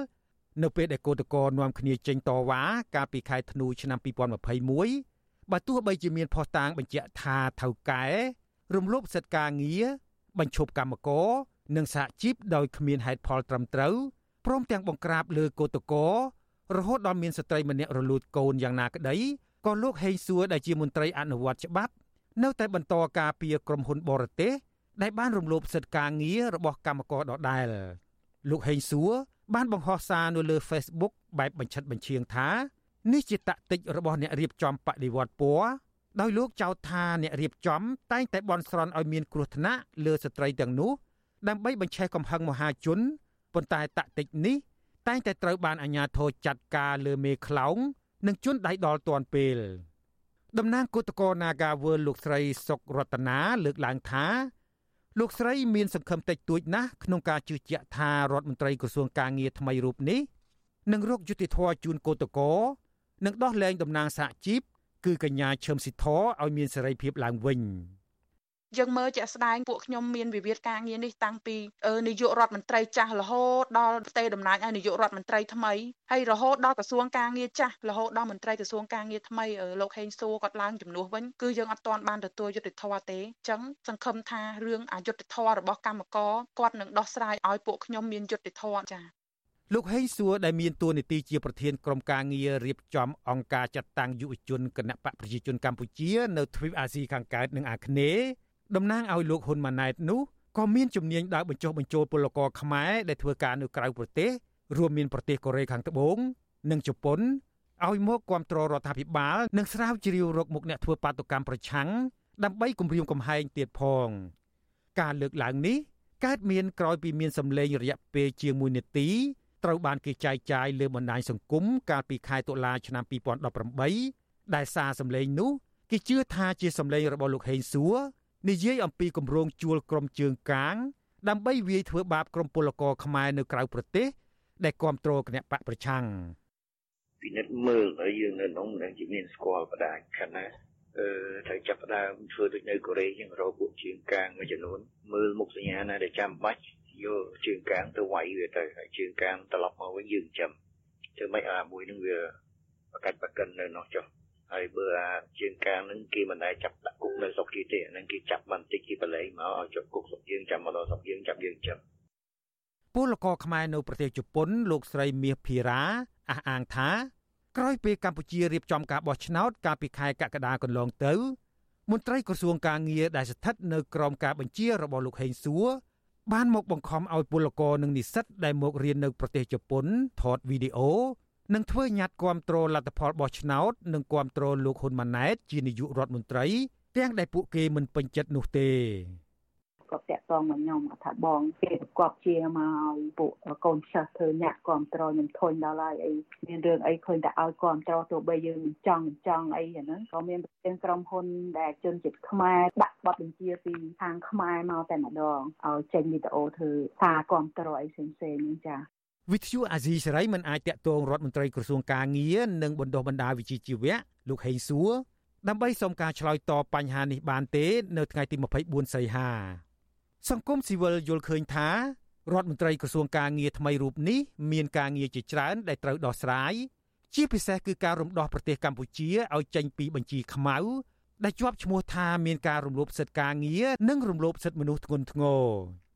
ប្រធានផ្នែកប្រឆាំងការជួញដូរមនុស្សនិងទេសន្តប្រវេសនៃអង្គការសង្ត្រាល់លោកឌីថេហូយ៉ាស្នើឲ្យរដ្ឋមន្ត្រីថ្មីរូបនេះគួរដោះស្រាយបញ្ហាចាស់ចាស់ដែលនៅរ៉ាំរ៉ៃដូចជាបញ្ហាពលករចំណាក់ស្រុកបញ្ហាធ្វើលិខិតឆ្លងដែនបញ្ហាសុខុមាលភាពរបស់កម្មករឧបសគ្គបង្កើតសហជីពតាមរោងចក្រការទទួលបានប្រាក់ឈ្នួលសមរម្យនិងការធានាលើកិច្ចគាំពៀសង្គមជាដើម។ មេត្តាធ្វើកិច្ចការងារបម្រើជាតិបម្រើពលរដ្ឋព្រោះយើងជាអ្នកស៊ីប្រាក់ខែហើយបានទូនាទីតាមរយៈពលរដ្ឋដែលជាម្ចាស់ឆ្នោតបោះឆ្នោតឲ្យទី2សូមបោះចោលនៅការប្រកាន់និន្នាការគណៈបកយោបាយទី3ធ្វើយ៉ាងណាជំរុញឲ្យគោលនយោបាយដែលមានស្រាប់នឹងអនុវត្តឲ្យមានប្រសិទ្ធភាពពាក់ព័ន្ធនឹងការការពារសិទ្ធិពលករចំណាក់ស្រុកទាំងក្នុងប្រទេសទាំងក្រៅប្រទេសក្រុមកម្មករលើកឡើងថា ប្រសិនបើលោកហេងសួរពិតជាមន្ត្រីល្អម្នាក់លោកគួរតែដោះស្រាយបញ្ចប់វិវាទការងាររបស់កម្មករដែលនៅសេសសល់ប្រកបដោយភាពយុត្តិធម៌និងពង្រឹងការគោរពសិទ្ធិការងារនៅតាមរោងចក្រជាដើមពួកគាត់ស្នើឲ្យលោកហេងសួរក្នុងនាមជារដ្ឋមន្ត្រីក្រសួងការងារនិងជាមនុស្សចំណិតរបស់នាយករដ្ឋមន្ត្រីថ្មីគឺលោកហ៊ុនម៉ាណែតផងនោះបញ្ចុះបញ្ចូលលោកហ៊ុនម៉ាណែតឲ្យងាកមកស្ដារប្រជាធិបតេយ្យនិងការគោរពសិទ្ធិមនុស្សឡើងវិញ ដើម្បីស្នើសុំការអនុគ្រោះពន្ធពីសហគមន៍អឺរ៉ុបនិងសហរដ្ឋអាមេរិកមកវិញឬយ៉ាងហោចណាស់មិនឲ្យប្រទេសទាំងនោះកាត់ប្រព័ន្ធអនុគ្រោះពន្ធបន្ថែមទៀតដើម្បីប្រយោជន៍រួមនៃប្រជាជាតិកម្ពុជាខ្ញុំជីវិតាអាស៊ីសេរី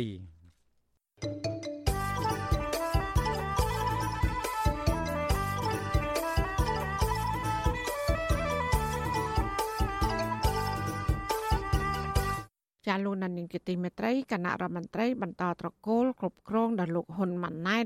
បានចាប់ផ្ដើមដំណើរការការងាររបស់ខ្លួនហើយក្នុងនោះរដ្ឋមន្ត្រីថ្មីនៃក្រសួងការងារគឺលោកហេងសួរក៏បានផ្ដើមសកម្មភាពការងាររបស់លោកដែរដោយបានចោះជួបកម្មករដល់កន្លែងស្នាក់នៅតើលោកហេងសួរមានប្រវត្តិដូចម្ដេចខ្លះហើយលោកពិតជាគិតដល់ប្រយោជន៍កម្មករមែនឬក៏យ៉ាងណា ចាលោកយ៉ងច័ន្ទរារាជការពុស្ដាជំនាញព័ត៌មាននេះដូចតទៅលោកហេងសួរបានឡើងឋានៈជារដ្ឋមន្ត្រីក្រសួងកាងារក្នុងរដ្ឋាភិបាលអាណត្តិទី7នេះដោយតាមការទូទាយរបស់មជ្ឈដ្ឋាននានាលោកអាចឡើងដល់ឋានៈកម្ពូលបែបនេះបានមិនមែនដោយសារតែលោកជួយកែតម្រង់វិស័យការងារឲ្យល្អប្រសើរនោះទេក៏ប៉ុន្តែគឺដោយសារតែលោកស្មោះស្ម័គ្រនិងហ៊ានធ្វើអ្វីគ្រប់បែបយ៉ាងដើម្បីផ្គប់ផ្គុនមេកោយរបស់លោក លោកហេងសួរកើតនៅឆ្នាំ1974នៅរាជធានីភ្នំពេញលោកមានបងប្អូនបង្កើតចំនួន5នាក់ហើយលោកគឺជាកូនច្បងលោកមានកូនចំនួន3នាក់ស្រីម្នាក់និងប្រុស2នាក់លោកបានបញ្ចប់ការសិក្សាថ្នាក់បរិញ្ញាបត្រនៅសាកលវិទ្យាល័យជាតិគ្រប់គ្រងនៅក្នុងឆ្នាំ1998និងមានសញ្ញាបត្រថ្នាក់អនុបណ្ឌិតពីប្រទេសជប៉ុន លោកធ្លាប់ជាប្រធានសមាគមអតីតនិស្សិតខ្មែរពីប្រទេសជប៉ុនចន្លោះពីឆ្នាំ2008ដល់ឆ្នាំ2014លោកហេងសួរបានឡើងរាសីជាបន្តបន្ទាប់និងមានឋានៈច្រើនស្អិចស្កះនៅក្នុងក្រសួងកាងារមុននឹងក្លាយជារដ្ឋមន្ត្រីថ្មីនៃក្រសួងនេះចាប់ពីថ្ងៃទី22ខែសីហាឆ្នាំ2023តទៅពីដំបូងលោកជាអគ្គនាយករដ្ឋបាល និងហិរញ្ញវត្ថុក្រោយមកទៀតក្លាយជាអនុរដ្ឋលេខាធិការនិងរដ្ឋលេខាធិការនៃក្រសួងកាងារ ក្រៅពីនេះលោកជានាយកខុទ្ទកាល័យរដ្ឋមន្ត្រីនិងជាអ្នកណែនាំពាក្យក្រសួងកាងារព្រមទាំងជាសមាជិកដ៏មានឥទ្ធិពលនៃក្រុមប្រឹក្សាជាតិប្រាក់ឈ្នួលអបបរមាលោកហេងសួរគឺជាមន្ត្រីជាន់ខ្ពស់មួយរូបដែលតែងតែមានជំហរផ្អៀងទៅរកក្រុមនីតុនជំហរលំអៀងរបស់លោកហេងសួរនេះសម្ដែងចេញទាំងនៅក្នុងកិច្ចប្រជុំបិទទ្វារនិងជាសាធារណៈប្រធានសហព័ន្ធសហជីពកម្ពុជា អ្នកស្រីយ៉ាងសុភ័ណ្ឌ ដែលធ្លាប់ចូលតុចរចាប្រាក់ឈ្នួលសម្រាប់វិស័យកាត់ដេរជាច្រើនលើកជាមួយនឹងលោកហេងសួរដែរនោះបានពណ៌នាថាលោកហេងសួរគឺជាមនុស្សមានចំណេះដឹងជ្រៅជ្រះមានសមត្ថភាព និងពូកែនិយាយបញ្ចុះបញ្ចូលក៏ប៉ុន្តែអ្នកស្រីសង្កេតឃើញថាលោកហេងសួរគឺជាមនុស្សធ្វើការតាមអារម្មណ៍ដោយពេលខ្លះប្រើភាសាក្រូតក្រៀតនិងបែបសម្លុតគំរាមទៅលើសហជីពឯករាជ្យដែលធ្វើការដើម្បីបម្រើប្រយោជន៍កម្មករនោះទៀតផង ទីមួយខ្ញុំអត់ទុកចិត្តគាត់ទេព្រោះគាត់បត់បែនលឿនណាហើយបន្ទាប់មកការងារអីក៏គាត់ចេះធ្វើដែរអញ្ចឹងណាជួនកាលគាត់និយាយមួយយើងអញ្ចឹងទៅមើលទៅហាក់ដូចស្ដាប់គាត់ដំបងដូចយើងស្លងហ្មងប៉ុន្តែនៅពេលវិភាគមើលយូរយូរទៅគាត់បត់បែនលឿនណាអញ្ចឹងណាខ្ញុំចរចាមួយគាត់ច្រើនឆ្នាំខ្ញុំអាចសន្និដ្ឋានបានថានៅគាត់គាត់ធ្វើការងារឲ្យរដ្ឋាភិបាលសតទៅអ្វីដែលរដ្ឋាភិបាលឲ្យគាត់ធ្វើគាត់អាចធ្វើបានទាំងអស់ក៏អត់ខ្វល់រឿងចំពោះមុខគាត់ រឿងប្រយោជន៍របស់កម្មករប្រយោជន៍រួមប្រយោជន៍អីក៏អត់ខ្វល់ទេអញ្ចឹងណាជំហរលំអៀងទៅរកនាយទុនមួយទៀតដែលលោកហេងសួរបានបង្ហាញជាសាធារណៈមុននឹងក្លាយជារដ្ឋមន្ត្រីក្រសួងការងារនោះគឺករណីវិវាទការងារនៅក្រុមហ៊ុន Casino Naga World ក្នុងពេលកោតក្រ Naga World ដែលមួយចំនួនជាស្ត្រីមានផ្ទៃពោះនាំគ្នាចេញតវ៉ារកដំណោះស្រាយកាលពីខែធ្នូឆ្នាំ2021លោកហេងសួរបានបង្ហោះសារបែបបញ្ឆិតបញ្ឈៀងនៅលើ Facebook ថា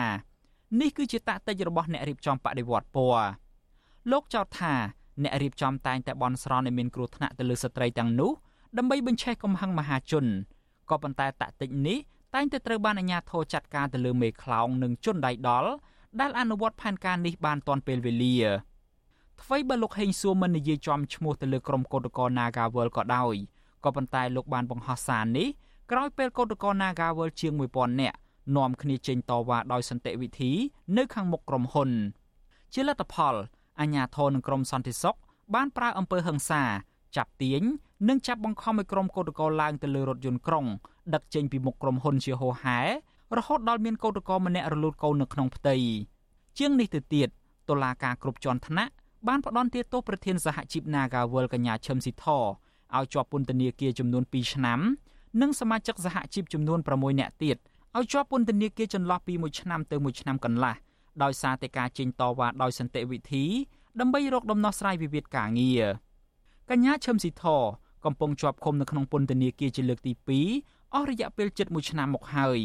ខណៈសមាជិកសហជីពផ្សេងទៀតកំពុងស្ថិតនៅក្រៅឃុំងាកទៅដំណោះស្រាយវិញក្រុមកោតក្រអះអាងថា ក្រសួងការងារដែលត្រូវមានតួនាទីជាអាជ្ញាកណ្ដាលនោះបែរជានាំគ្នាឈរនៅខាងក្រុមហ៊ុន ហើយបង្ខំឲ្យពួកគាត់ទទួលយកសំណងដែលមិនស្របទៅតាមច្បាប់ការងារទៅវិញអនុប្រធានសហជីពត្រួតត្រងសិទ្ធិការងារបុគ្គលិកកម្មករខ្មែរនៃក្រុមហ៊ុន Casino NagaWorld កញ្ញាឈឹមសុខនថ្លែងថាការចរចារកដំណោះស្រាយបញ្ចប់វិវាទការងារនេះគ្មានការជឿនលឿនទៅមុខនោះទេកញ្ញាបញ្ជាក់ថាក្រុមកោតក្រមិនរំពឹងទៅលើលោកហេងសួរនៅក្នុងការដោះស្រាយវិវាទការងារនេះឡើយពីព្រោះកន្លងទៅលោកគឺជាជនឈានមុខគេ ខាងប្រឌិតរឿងលៀបពណ៌ទៅលើក្រុមកោតក្រគាត់បាននិយាយភាសាលៀបពណ៌ថាពួកខ្ញុំនឹងបានធ្វើបដិវត្តពណ៌អីអញ្ចឹងគាត់អ្នកនាំពាក្យអត់អាចនិយាយពាក្យនឹងទេអញ្ចឹងទៅធ្វើឲ្យខ្ញុំនឹងវាអត់មានក្តីសង្ឃឹមក្នុងការដែលគាត់ឡើងជារដ្ឋមន្ត្រីក្រសួងកាងគាត់ដោះស្រាយឲ្យពួកខ្ញុំអញ្ចឹងដូចគ្នានេះដែរប្រធានសហជីពប្រចាំក្រុមហ៊ុនដឹកអ្នកដំណើរ Chai NIBIS លោកសៀមម៉ូរ៉ាឌីដែលកំពុងតវ៉ាស្នើសុំឲ្យក្រសួងកាងារ ជួយដោះស្រាយបញ្ហាថៅកែបញ្ឈប់រូបលោកនិងសមាជិកសហជីពដោយខុសច្បាប់នោះមានប្រសាសន៍ថាលោកគ្មានជំនឿទៅលើលោកហេងសួរថានឹងជួយដោះស្រាយបញ្ហាជូនកម្មករបាននោះទេគាត់ពីមុនមកគាត់មិនទាន់ឡើងផងកម្មករយើងខាងរោងចក្រកម្មករយើងនេះនឹងវេទនាចង្អប់មិនដែលឃើញខាងក្រសួងការងារណាមកដោះស្រាយឲ្យបានត្រឹមត្រូវតាមច្បាប់ផងហើយបង្ងំឥឡូវគាត់ឡើងទៀតខ្ញុំអត់មានសង្ឃឹមសោះតែម្ដងណាក្នុងនិយាយខ្ញុំនិយាយក្នុងបេះដូងខ្ញុំហ្មង គឺអារម្មណ៍ខ្ញុំគិតថាឡើងមកមានតែពិបាកជាងមុនមិនចឹងបាទបាទនេះជាទស្សនៈរបស់ខ្ញុំទេព្រោះខ្ញុំគិតថាយើងដឹងហើយបុគ្គលគាត់អាហ្នឹងក៏មានការមកកប់បញ្ជាពីគាត់ច្រើនដែរណាកេរ្តិ៍ឈ្មោះរបស់លោកហេងសួរបានល្បីរន្ទឺពេញស្រុកខ្មែរនិងខ្ទោខ្ទាទៅដល់សហគមន៍ខ្មែរនៅក្រៅប្រទេសថែមទៀតនៅពេលសារសម្លេងរយៈពេលជាង1នាទីត្រូវបានគេចែកចាយប្រងព្រាតលើបណ្ដាញសង្គមកាលពីខែតុលាឆ្នាំ2018សារសម្លេង ដែលគេជឿថាជារបស់លោកហេងសួននោះនិយាយអំពីគម្រោងជួលក្រុមជើងកាងដើម្បីវាយធ្វើបាបក្រុមពលករខ្មែរនៅក្រៅប្រទេសដែលគ្រប់គ្រងគណៈបកប្រឆាំងពិនិត្យមើលហើយយើងនៅក្នុងដែលជាមានស្គាល់បដាខណៈអឺត្រូវចាប់ផ្ដើមធ្វើដូចនៅកូរ៉េចឹងរកពួកជាងកាងមួយចំនួនមើលមុខសញ្ញាណាដែលចាំបាច់យកជើងកាងទៅវាយវាទៅហើយជើងកាងត្រឡប់មកវិញយើងចាំធ្វើម៉េចអាមួយនឹងវាបកាច់បកិននៅនោះចុះ ហើយបើអាជើងកាងនឹងគេមិនដែលចាប់ដាក់គុកនៅស្រុកគេទេហ្នឹងគេចាប់បន្តិចគេបលែងមកឲ្យជាប់គុកស្រុកយើងចាំមកដល់ស្រុកយើងចាប់យើងចាំរឿងនេះមិនអាចលេងសើចបានទេហើយច្រើនដងហើយលើកមុនយើងមិននេះទេប៉ុន្តែលើកនេះទៅគឺនៅចំពោះមុខហើយវាហ៊ានជន់បែបនេះគឺយើងអាចលើកលែងវាបានហើយ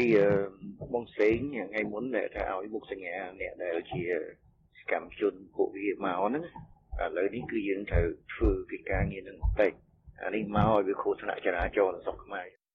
កាលនោះលោកហេងសួរបានបដិសេធសារសម្លេងនេះតាមរយៈប្រព័ន្ធឃោសនារបស់រដ្ឋាភិបាល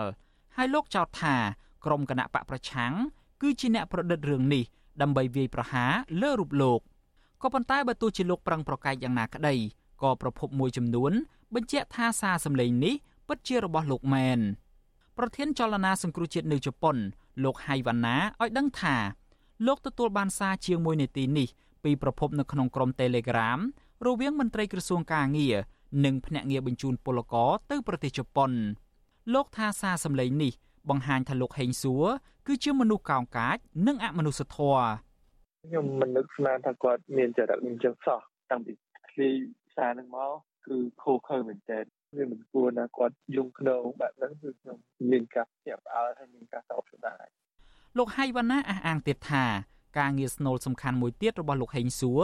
គឺការគ្រប់គ្រងភ្នាក់ងារឬពួកមេខ្យល់បញ្ជូនពលករទៅក្រៅប្រទេសលោកចោទថាតាមរយៈការងារនេះលោកហេងសួរទទួលបានផលប្រយោជន៍ជាលុយកាក់ពីភ្នាក់ងារបញ្ជូនពលករហើយអាចប្រើប្រាស់ពួកគេ ដើម្បីគៀបសង្កត់ឬក៏ធ្វើទុកបុកម្នេញទៅលើពលករណា ដែលគ្រប់គ្រងគណៈបកប្រឆាំងនៅក្រៅប្រទេសទៀតផង ក្រុមហ៊ុនដែលអាចទទួលមកបានតើតែមានលុយ100000ដុល្លារព្រោះតែពួករបស់គាត់អស់ហ្នឹងមានលុយ100000ដុល្លារមកពីណាទៅទៅគាត់លេខក្រតនាគារ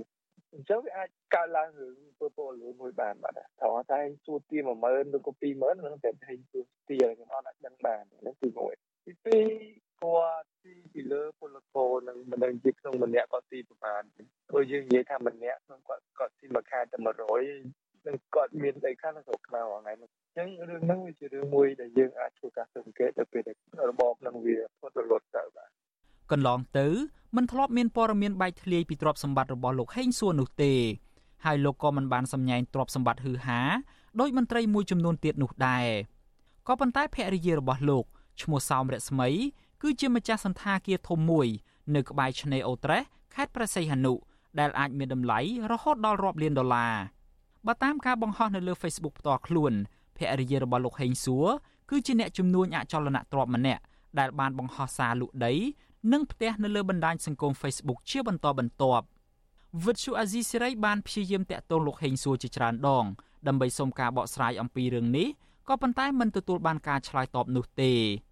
ជុំវិញការលើកឡើងទាំងឡាយពាក់ព័ន្ធទៅនឹងលោកហេងសួរនេះតំណាងគណៈបកប្រជាជនកម្ពុជាលោកសុកអេសានចាត់ទុកថា ជារឿងដែលមិនអាចជោគជាការបានតែគាត់មនុស្សល្អអានឹងនិយាយរួមគាត់មនុស្សល្អគាត់ធ្វើការត្រឹមត្រូវណាទៅតាមទូនាទីភារកិច្ចដែលរាជរដ្ឋាភិបាលបកគលឲ្យគាត់ដែលដែលគណៈបកបកគលជូនគាត់បាទបើសិនណាជាអាយដាមហេងសួរទៅធ្វើសកម្មភាពដែលមានការកំព្រៀងកំផែងដល់ពលករក្រៅអញ្ញាធរគេនឹងចាត់វិធានការប៉ុន្តែយើងមានសិទ្ធិអីទៅក្របដណ្ដប់ទៅលើឯករាជ្យអធិបតេយ្យភាពរបស់ប្រទេសដទៃវាអត់មានទេ ដោយមន្ត្រីក្រាក់ក្រាក់មួយចំនួនទៀតដែរលោកហេងសួរបានបង្ហាញភក្តីភាពចំពោះលោកហ៊ុនសែននិងលោកហ៊ុនម៉ាណែតដោយឥតងាករេ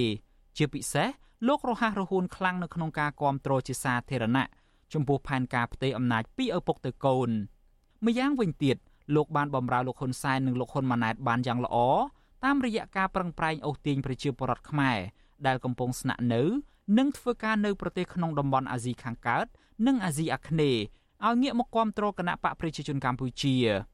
ក្នុងពេលជាមួយគ្នានេះលោកក៏ប្រឹងប្រែងខ្ទប់សម្លេងគណៈបកប្រឆាំងដែលមាននៅតាមបណ្ដាប្រទេសទាំងនោះដែរតាមរយៈមធ្យោបាយទុច្ចរិតផ្សេងផ្សេងដូចជាការគំរាមកំហែងនិងការបំបែកបំបាក់ជាដើមហេតុដូច្នេះហើយទើបលោកអាចទទួលបានលៀបធំពីមេកោយរបស់លោកคล้ายទៅជារដ្ឋមន្ត្រីថ្មីនៃក្រសួងកាងារនៅពេលនេះទោះជាយ៉ាងណាលោកហេងសួរឡើងមកចំពេលនេះ ក៏ទំនងជាមិនផ្អែមមាត់ប៉ុន្មាននោះដែរពីព្រោះមានបញ្ហារាប់ចំពុកដែលកំពុងរងចាំឲ្យលោកដោះស្រាយមានជាអាចបញ្ហាអត់ការងារធ្វើរបស់កម្មករកើតចេញពីការបិទរោងចក្រឬក៏ព្យួរការងារបញ្ហាចំណាក់ស្រុករបស់ប្រជាពលរដ្ឋនិងការបង្កើនឱកាសការងារសម្រាប់យុវជន ដែលហក់ចូលទីផ្សារការងារកាន់តែច្រើនឡើងជាលំដាប់ពីមួយឆ្នាំទៅមួយឆ្នាំជាមួយគ្នានេះលោកក៏ត្រូវដោះស្រាយបំណុលចាស់មួយទៀតដែរគឺការដែលរដ្ឋាភិបាល មិនអនុវត្តឲ្យបានពេញលេញទៅតាមលិខិតតុបករអន្តរជាតិស្តីពីសិទ្ធិការងារដែលធ្វើឲ្យកម្ពុជា បន្តជាប់ឈ្មោះថាជាប្រទេសមានករណីរំលោភសិទ្ធិការងារនិងរំលោភសិទ្ធិមនុស្សធ្ងន់ធ្ងរខ្ញុំយ៉ងច័ន្ទដារាវិទ្យុអាស៊ីសេរី Washington